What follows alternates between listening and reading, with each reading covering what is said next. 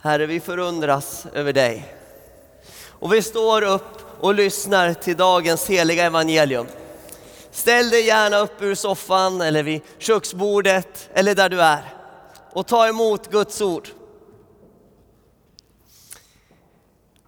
På tredje dagen hölls ett bröllop i Kana i Galileen och Jesu mor var där.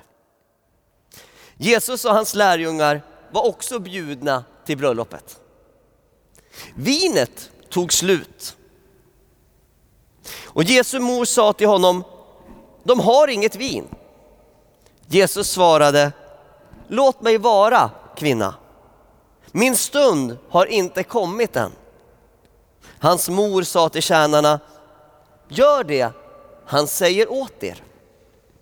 Där stod sex stora stenkärl för vattnet till judarnas reningsceremonier. Vart och ett rymde omkring hundra liter. Jesus sa, fyll kärlen till bredden. Fyll kärlen med vatten. Och de fyllde dem till bredden. Sedan sa han, ös upp och bär det till bröllopsvärden. Och de gjorde det. Värden smakade på vattnet som nu hade blivit vin. Eftersom han inte visste varifrån det kom. Men det visste tjänarna som hade öst upp vattnet. Ropade han på brudgummen och sa Alla andra bjuder först på det goda vinet och på det sämre när gästerna börjar bli berusade. Men du har sparat det goda vinet ända till nu. Så gjorde Jesus det första av sina tecken. Det var i Kana i Galileen. Han uppenbarade sin härlighet och hans lärjungar trodde på honom. Så lyder det heliga evangeliet. Lovad vare du Kristus. Varsågoda och sätt er igen i soffan eller liknande. Ja, kära snöiga Sankta Clara.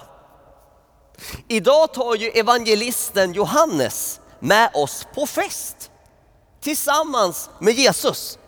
Så häng med!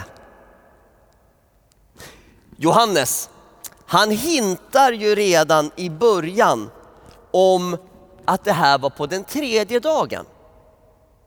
Och du som har följt Jesus, kanske någon påsk eller vid annat tillfälle i evangelierna till Golgata vet att det här inte var sista gången något oerhört skulle hända på den tredje dagen.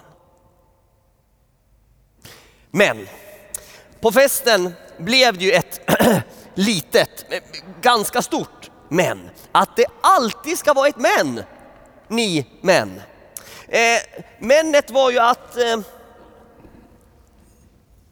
vinet tog slut.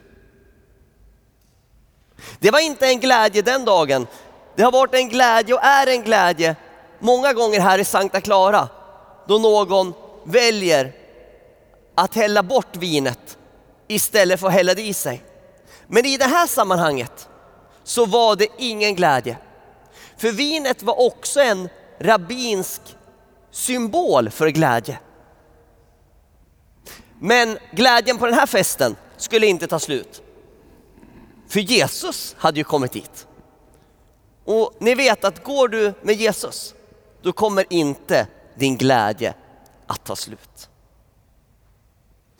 Vi ser också på den här festen att eh, Maria och Jesus inte längre har en mamma-son relation som de troligtvis hade i yngre år. De har inte heller en jämställd relation. Utan Maria böjer sig med rätta för Jesus. Och hon säger till folket, gör det han säger åt er. Det är inte så dumt sagt va? Det är rätt så bra kyrkopolitik. Ett ord till kyrkan Gör det han säger åt er. Och så kommer ju ett mirakel i den här historiska berättelsen. Och vi ska inte glömma miraklet.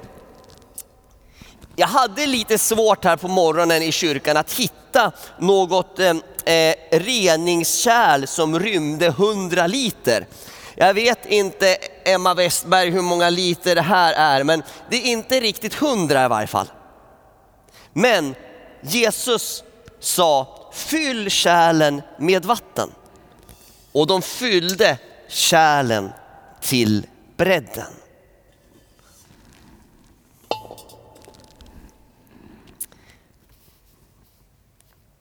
Det är så här Jesus brukar göra. När han ska göra ett under, när han ska göra något för andras skull, så ber han om hjälp. Inte för att han inte bara skulle kunna ropat efter mer vin eller själv fyllt i. Men Jesus verkar vilja göra hans fars vilja och lära andra att göra likadant. Han vill att tjänarna, lärjungarna, folket ska vara med i skeendet. Och det är inte första gången. Tänk på slätten med kanske 15 000 hungriga människor. Och så kommer den lille killen med sina fem bröd och två fiskar. Kanske hans mamma hade sagt till honom på morgonen att är nu någon hungrig, då ser du minsann till att dela med dig. Och Jesus, som kunde använt vad han ville, valde den villige pojkens fem bröd och två fiskar. Det är så här vi kan bli till välsignelse för varandra i kyrkan också. Jesus använde gemenskapen och han använde det som han fick i handen. Ibland när du funderar på hur du ska kunna bli till det bästa för din nästa, så kanske du känner, nej men jag vet inte vad jag har eller vad jag kan eller jag har inte så mycket resurser att ge. Oroa dig inte längre för det. Det Jesus sätter i din hand, två små koppar mynt, lite bröd eller fisk, eller ett reningskärl. Ja, tydligen så går det att använda det som vi får i händerna. Tänk till exempel hur Jesus engagerade så många även vid de kanske till synes ännu större undran. När Jesus skulle uppväcka Lazarus från de döda, då fick allihopa där fixa och trixa med allting. Och Jesus gjorde bara en del. Han gjorde Lazarus kom ut delen. Ibland när vi ska berätta om vinundret i Kana i Galileen så tycker jag att vi, likt det snöar idag, eller snö ute, tycker att vi snöar in oss på ett onödigt håll i den här berättelsen. Jag tycker vi för ofta snöar in oss på om det var grape juice eller om det var vin med lägre alkoholhalt och, och, och så vidare. Utan att snöa in oss för mycket där så kan vi bara fastslå att vin är inte grape juice, vin är vin. Och ja, det var generellt sett mycket lägre alkoholhalt då än det är nu i vårt vin, i vår kultur. Men själva undret är ju att Jesus gjorde vatten till vin. Ett tecken på vem han är. Och Jesus gjorde ju mirakler på så många olika sätt. Har du tänkt på det någon gång? Jesus som använder sand och spott. Jesus som helar människor och verkar för dem på avstånd och nära. Jesus som gör mirakler själv, Jesus som gör mirakler med många. Det här miraklet som Jesus gjorde, då var det ju faktiskt så att han inte ens bad. Inte vad vi vet i varje fall. Det liksom bara hände. Och inte det är en härlig erfarenhet? Att när du går med Jesus och när den helige ande får verka i vår kyrka, i vår vardag. Vi kanske inte ens ber. Det bara händer. Vilken stor Gud vi har. Så nu står lärjungarna där efter undret, fördjupade i tron och med erfarenheten om vad Jesus kan göra. Vi behöver ju i vår kyrka inte bara kunskap. Kunskap är ju bra om den är sann och om den följs åt med barmhärtighet, hjärta och gärningar. Då är ju ökad kunskap bra. Men ökad kunskap utan att hjärta, barmhärtighet och goda gärningar följer, ja då har vi nästan bara mer att stå till svars för. Vi behöver få vara med när Jesus verkar det han vill. Idag firar vi ju mässa tillsammans och också med den särskilda vinkeln av att få tänka på Sankta Clara kyrkas själ och hjärta. Vilka vi är och vilka vi vill bli, vart vi är på väg. På fredag kanske du hör Christian Luuk på Sveriges Television fråga igen, vart är vi på väg? Och nu kommer jag inte ta Åmål eller Filipstad, men något från vart vi som kyrka är på väg. Om eh, Jesus kan förvandla vatten till vin så tror vi också att han kan hjälpa oss med den här visionen som vi bär här i kyrkan. Vår vision är att vi vill reformera kyrkan.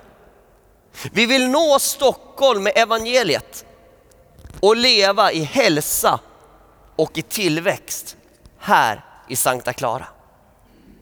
Och precis som lärjungarna kände sig den dagen förundrade, förvånade, förbryllade av vad som hänt, så känner vi ofta det så här en vanlig dag i kyrkan.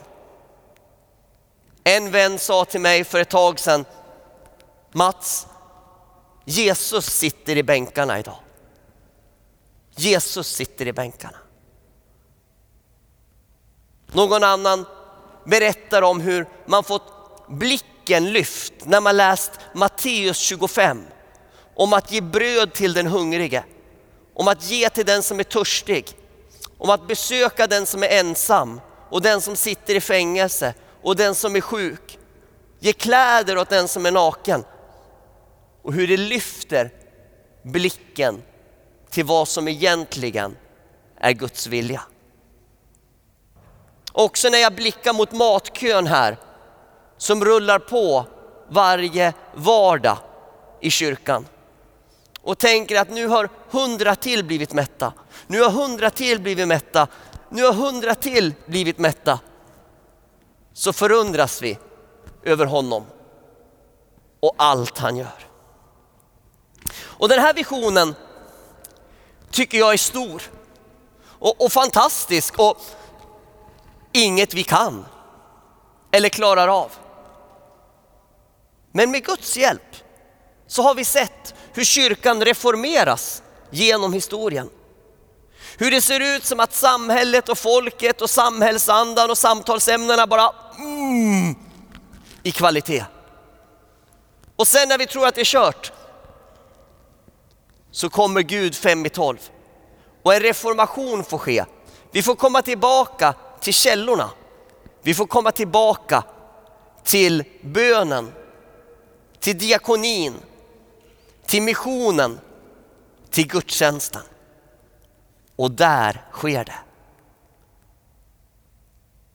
När någon journalist någon gång har frågat mig, kanske med lite smak för sensationslystnad, Mats, vad, vart är Klara nu på väg? Du är ju ny direktor. Ja, det här är fjärde året för mig, jag är inte så ny, men nu är du ny direktor och, och, och, och eh, eh vart är ni på väg? Vad ska hända Klara? Så brukar jag säga, ingen förändring alls. Samma gamla vanliga, härliga. Skulle jag säga med ett ord vilka vi vill vara och vart vi är på väg, då skulle jag säga Jesus. Får jag använda fyra ord på vilka vi är och vart vi är på väg? Då skulle jag vilja säga bön, diakoni, mission, gudstjänst. Får man använda tre fraser eller en mening? Då skulle jag säga, vi vill reformera kyrkan, nå Stockholm med evangeliet och leva i hälsa och tillväxt i Sankta Clara. Tänker också på de nio nycklar som Karl-Erik har berättat för oss många gånger om. Karl-Erik Salberg som jobbade här i så många år och nu tjänar med familjehemsverksamhet i Tanzania. Han berättade hur den första av de nio nycklarna han fick för församlingen var att kyrkan skulle vara öppen för alla.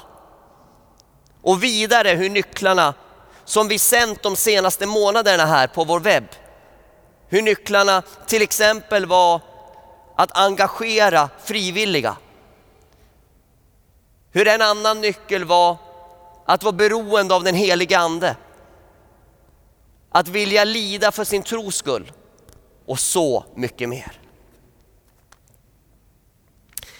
Ja men säger du, under pandemitiden då? Det här går väl inte? Ja under pandemitiden så händer många saker. Och också en del lite ovanliga saker. Men vanligt är att vi har kyrkan öppen och det slutar vi inte ha. Här är kyrkan öppen varje dag. Välkommen hit! Med gott samvete kan du stanna hemma. Men välkommen hit, du som vill komma med. Välkommen hit med flera meters avstånd till din nästa. Med handsprit i fickan, men med stark vänskap och Jesus tro. Du som är i nöd, välkommen hit. Jag kan inte ge dig allt, men jag känner en som har de sanna svaren för dig. Du som inte är i nöd gällande pengar eller bostad, men kanske bär på ensamhet, eh, meningslöshet eller någon annan värdelös löshet. Välkommen! Kyrkan är öppen för alla. Jag påminns om min vän som gick lärjungeskolan förra året. Hon sa, jag trodde inte riktigt på Gud. Men så gick jag in i kyrkan och då bara... Och jag tyckte det var en sån talande fras då hon sa de sju bokstäverna och då bara Något som också hänt här under pandemitiden är att vi har fått eh, börja hyra Klaragården. Gården som ligger ja, några stenkast ditåt, 38 meter från kyrkporten. Den får vi börja hyra nu från första mars. Och det känns som ett sånt bönesvar. Tack till dig som har bett 20 år för att vi ska kunna få ha verksamhet också i Klaragården. Vi har fått ungefär 10 rum där vi vill göra diakoni, lovsångsskola, kontor, samtalsrum. Någon har föreslagit gym och så mycket mera. Ekonomin här i Sankta Clara behöver stärkas och det är så värdefullt när du också ger i vår kollekt under våra gudstjänster och på så många andra sätt. Det ska vi göra nu om ungefär tre minuter. Så då kan vi också göra något åt den saken. Vi ber alltså, att det här ska få vara en plats för Jesus och för Jesus under tills han kommer tillbaka. Här ska tillbedjan och bön, lovsången i diakonin, mission och gudstjänst rulla på. Och rulla med du som vill de här sakerna. Rulla med så länge vi har chansen. Tiden är kort. Gud är god.